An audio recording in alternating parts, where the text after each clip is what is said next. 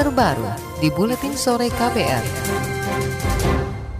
Saudara Komisi Pemilihan Umum KPU membolehkan bekas napi korupsi maju sebagai calon kepala daerah di Pilkada tahun depan. Itu tertuang dalam PKPU tentang pencalonan kepala daerah. Dalam aturan itu, KPU hanya meminta partai politik mengutamakan calon bukan eks-koruptor. Komisioner KPU Evi Novida Ginting menjelaskan tahapan pilkada untuk pencalonan perseorangan sudah berlangsung sejak Oktober kemarin. Karena itu KPU mempercepat dan segera mengundangkan peraturan KPU tentang pencalonan dalam pilkada 2020.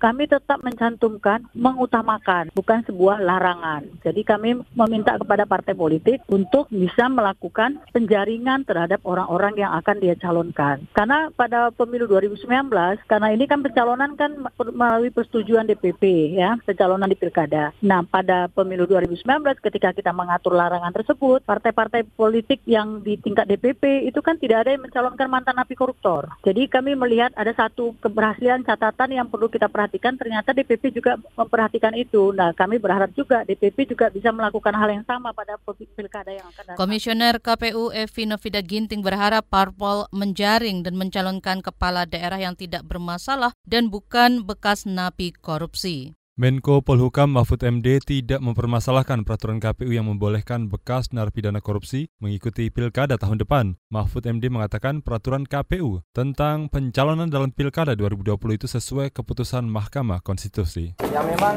memang putusan MK-nya begitu sih. Kalau mau menggugat ya putusan MK, jangan PKPU-nya. Itu soal lain sih. Itu kasus bukan peraturan ya. Kalau PKP itu kan peraturan.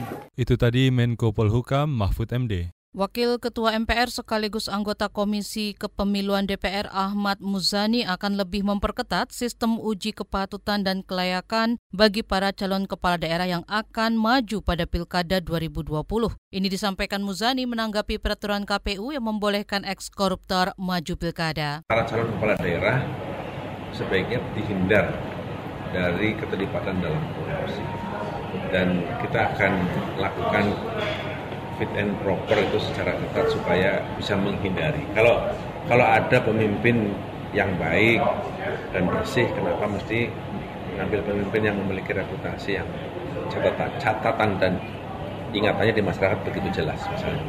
Anggota Komisi Kepemiluan DPR Ahmad Muzani yang sekaligus Sekjen Partai Gerindra tersebut juga menegaskan partainya akan berusaha semaksimal mungkin mencalonkan kader-kader yang bersih dari praktik kejahatan korupsi di Pilkada 2020. Hal itu dimungkinkan karena proses menetapkan calon bupati, wali kota, dan gubernur di partainya ada di tingkat pengurus pusat.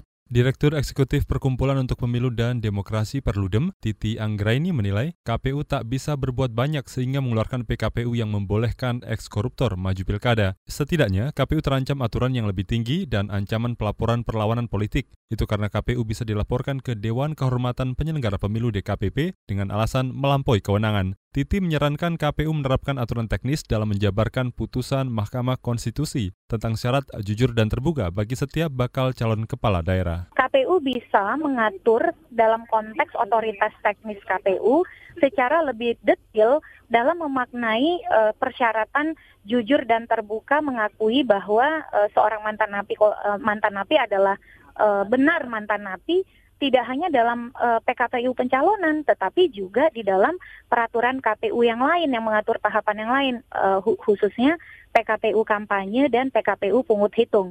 Jadi semua eh, dokumen yang berkaitan dengan Direktur Eksekutif Perludem Titi Anggraini menambahkan KPU juga bisa mengeluarkan aturan berdasarkan otoritasnya dengan mempublikasikan profil dan latar belakang calon kepala daerah dengan status bekas napi bagi calon yang pernah dipidana. Menurut Titi, KPU berhak mengumumkan status profil bekas napi itu di papan informasi yang dipasang di setiap tempat pemungutan suara TPS sehingga masyarakat betul-betul mengetahui baik buruknya calon calon kepala daerah mereka masing-masing. Saudara kita sejenak berolahraga bersama Arimba Odeswara. KPR Sport. Ketua Komite Olimpiade Indonesia, Raja Sabta Oktohari berharap tidak ada euforia berlebihan sesudah kontingen Indonesia mampu melewati target medali SEA Games 2019 sesuai harapan Presiden Joko Widodo yaitu 60 emas. Hingga tadi malam, kontingen Indonesia ada di posisi kedua dengan mengumpulkan 66 emas, 63 perak, dan 79 perunggu.